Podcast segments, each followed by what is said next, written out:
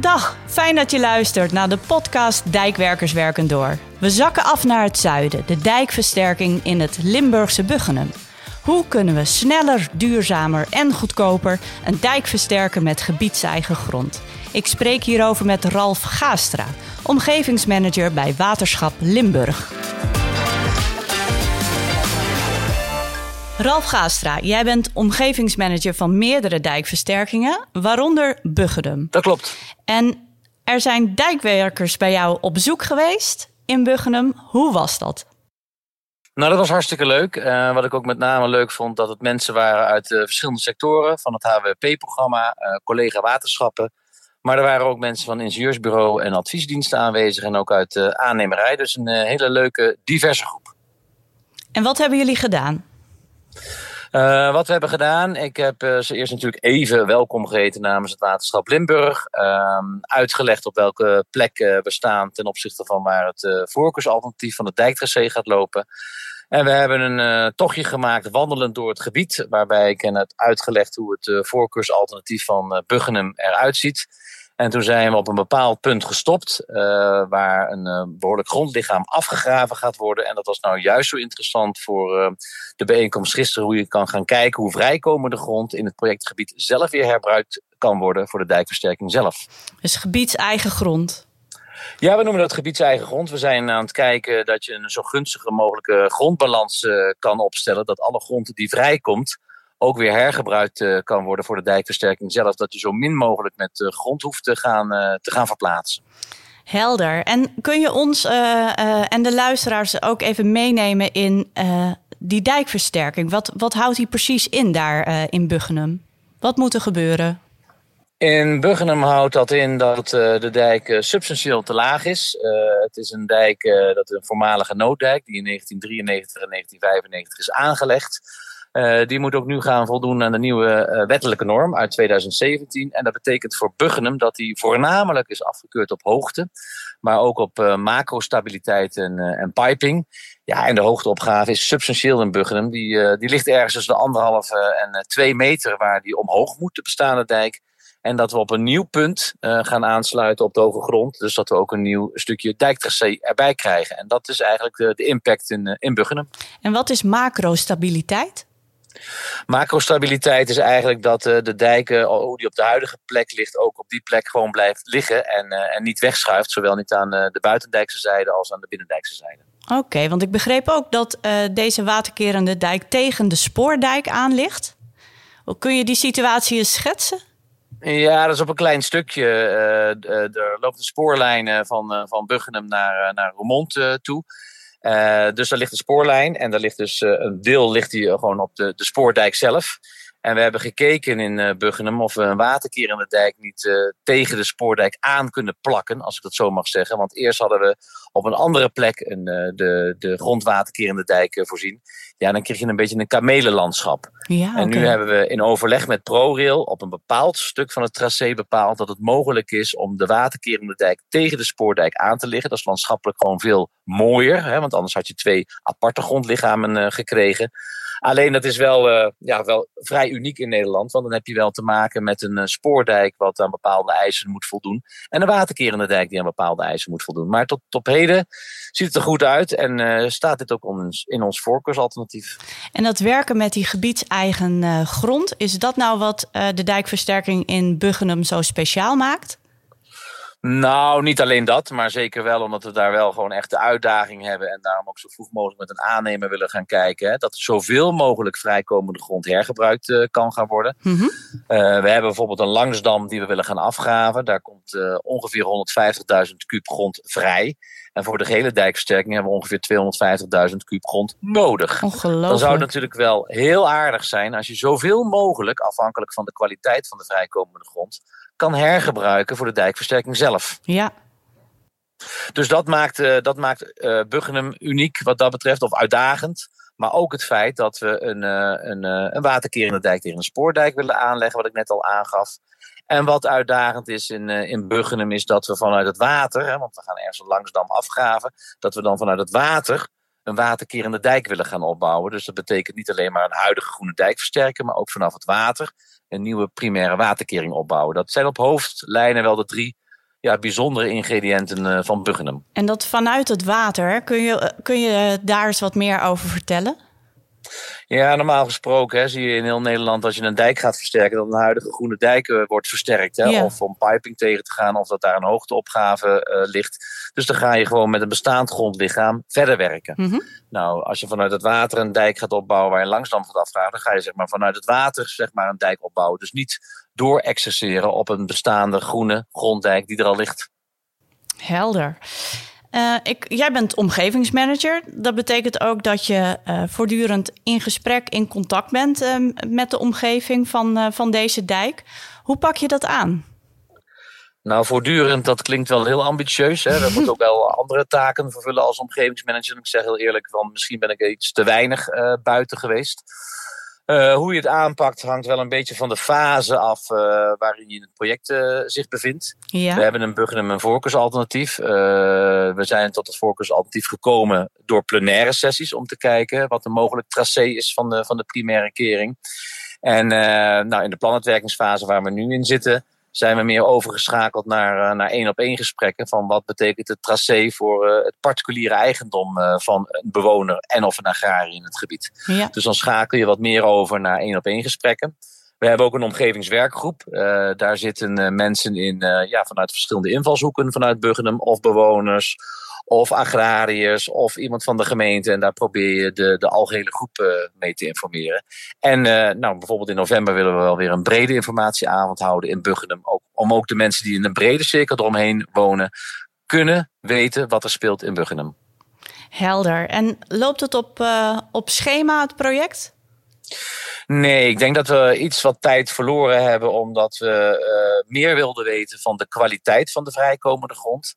Uh, dus daar hebben we op dit moment wat tijd verloren. Uh, aan de andere kant hebben we nu meer grondonderzoek gedaan uh, dat je in deze fase zou doen. Dus we kunnen misschien ook deels dat weer in gaan lopen. Want anders zouden we dat later hebben uitgevoerd, het grondonderzoek. Wat we nu naar voren hebben gehaald. Omdat het voor Buggenum te belangrijk was om te weten wat de kwaliteit is van de vrijkomende grond. Dus misschien nu wat achterstand en dadelijk gaan we weer wat inhalen. Precies. Het venijn zit hem in de staart. Vaak wel. en um, als omgevingsmanager, uh, Buggenum ligt in, uh, in Limburg. In juli uh, was het water daar extreem hoog. Hoe heb jij dat ervaren? Ehm, nou, dubbel, als ik dat zo mag zeggen. En primair natuurlijk van wat een impact en wat een hoeveelheid water. En wat bizar dat het in de zomer plaatsvindt. Ja. Uh, ja, die beelden die je dan ziet, uh, die zijn toch wel, ja, ik vind toch wel angstaanjagend wat je dan ziet wat er in een, eh, in een zomermaand kan gebeuren. Waar Absoluut. nog niet eens sprake was van, uh, van een enorme wind. Want als dan nog de wind uit de verkeerde richting was gekomen, dan zouden de gevolgen nog wel wat groter kunnen zijn geweest. Ja, toch ook wel weer wat mooi is om te zien. Dat klinkt raar, is de samengehorigheid. Hè? Dat uh, mensen echt ook gaan helpen. Want in Buggenum is het ook gebeurd dat een bepaald deel van het dijktracé... Uh, dat er zandzakken zijn opgelegd. Dus, dus die samenhorigheid ja, is mooi. Hè? Nogmaals, raar, een raar woord uh, voor deze situatie. Ja. Wat wel lastig was, vond ik als omgevingsmanager... dat alle contacten geheel terecht via de veiligheidsregio uh, liepen. Maar je kent natuurlijk wel een aantal mensen in het gebied. Maar ja, zoek daar. Ik heb daar geen contact mee gezocht, bewust niet. Want dan ga je zelf ook allerlei vragen krijgen. die we natuurlijk uh, uniform wilden beantwoorden vanuit uh, de veiligheidsregio. Ja, begrijpelijk. Dus dat vond ik. Dat vond ik lastig in mijn positie. Dat je toch, hè, je kan niet iedereen benaderen, omdat ik ook meerdere dijkversterkingstrajecten heb in, in Limburg. Maar ja, een aantal bewoners zou je wel even willen informeren. Hoe gaat het? Uh, hoe ben je eronder? En maar dat heb ik bewust niet gedaan, omdat uh, alles via één loket uh, moest lopen. En dat is ook begrijpelijk. En uh, wanneer is de dijk er weer helemaal klaar voor in Buggenum? Nou ja, we hebben een planning daarvoor. En die eindigt nu ongeveer op 2026. Uh, af en toe is er wel een roep van kan het sneller, maar het moet natuurlijk ook zorgvuldig en het moet realistisch zijn. Ja. Maar dat is waar we nu op afkoersen, dat in uh, 2026, dat noemen we dan altijd heel technisch, hoogwaterveilig is. Hè. Daarna moeten we misschien nog ergens een boompje planten of een uh, stoeptegel neerleggen, zoals ik dat dan maar noem. Maar 2026 uh, eh, staat nu het piketpaaltje in de planning hoogwaterveilig. Heel veel succes onderweg daar naartoe, Ralf Gaastra. Dankjewel. Jasper van der Hoef is projectmanager bij Waterschap Limburg. Jasper, een dijk versterken met gebiedseigen grond. Wat betekent dat? Nou, dijkversterking met gebiedseigen grond, dat is dat je de dijk bouwt met de grond die ja, zo dicht mogelijk bij de, eh, bij de dijk vandaan komt. Uh, normaal gesproken zie je dat we voor de dijken heb je grond nodig. Meestal in het geval van Limburg maken we ze vaak hoger, dus er moet grond bij. Mm um, en er zijn andere projecten, bijvoorbeeld uh, projecten in het kader van de kaderrichtlijn water, waarbij natuurontwikkeling uh, wordt gerealiseerd. Daar wordt vaak grond voor, voor afgegraven die, langs de rivier. Dus die hebben vaak grond over. En op het moment dat je, die, dat je twee projecten kunt combineren, dan, ja, dan, dan, kun je dus met lokale grond een nieuwe dijk bouwen. En dat is, dat is op zich heel gunstig. Ik kan me voorstellen dat niet alle grond geschikt is. Waar let je dan vooral op? Nou, dat klopt. Niet alle grond is geschikt. Hele zandige grond bijvoorbeeld, die, daar, ja, die is minder geschikt. maar bijvoorbeeld leem of klei, die, dat zijn, dat zijn goede grondsoorten om, om, om een nieuwe dijk van te bouwen. En daarbij kijken we dan met name naar erosiebestendigheid bijvoorbeeld. Eh, blijft die dijk, ook als er water langs stroomt of tegenaan komt, blijft die dijk overeind. Oké. En welke invloed heeft nou het gebruik maken van gebiedseigen grond op het project? Bijvoorbeeld dijkversterking in Buggenum. Ja, nou wat je vaak ziet is dat um, we hebben, ja, er zijn normen voor het maken van een dijk, voor het ontwerpen van een dijk. En voor, die, voor, voor een, binnen zo'n norm wordt er gebruik gemaakt van een soort standaard grond, zeg maar. Een standaard klei, waarvan precies is omschreven waar die, uh, waar die aan moet voldoen. Dus op het moment dat je die standaard klei hebt, kun je ook een standaard dijk bouwen. Zeg. Mm -hmm. En wat je ziet op het moment dat je dus uh, klei uit een directe omgeving gaat halen, dat is vaak klei of, of materiaal of grond die niet precies aan die standaard klei voldoet, bijvoorbeeld.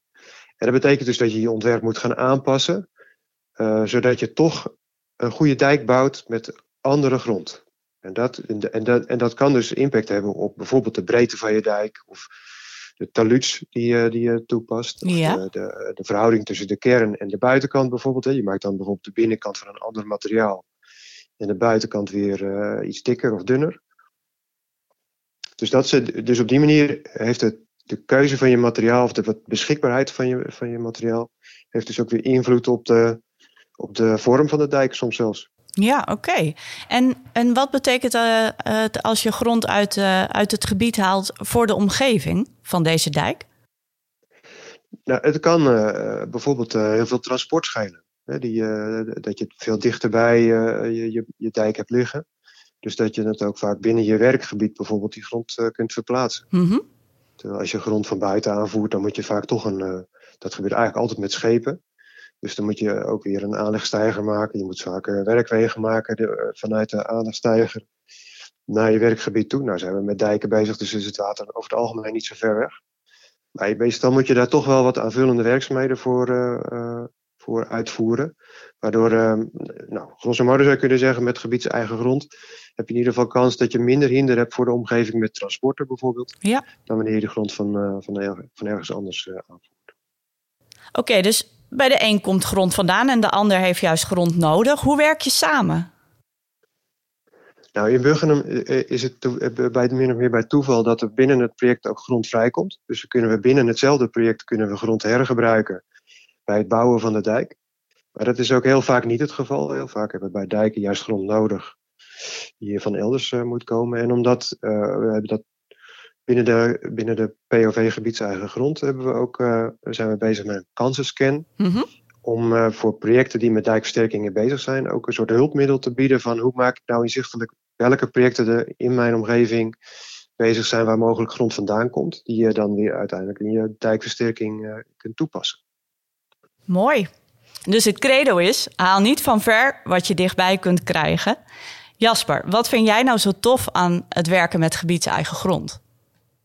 Ja, ik, dat, dat credo dat klopt ook helemaal. Dat, vind ik, uh, dat, dat is zeker uh, uh, zeg maar heel belangrijk ook binnen de POV.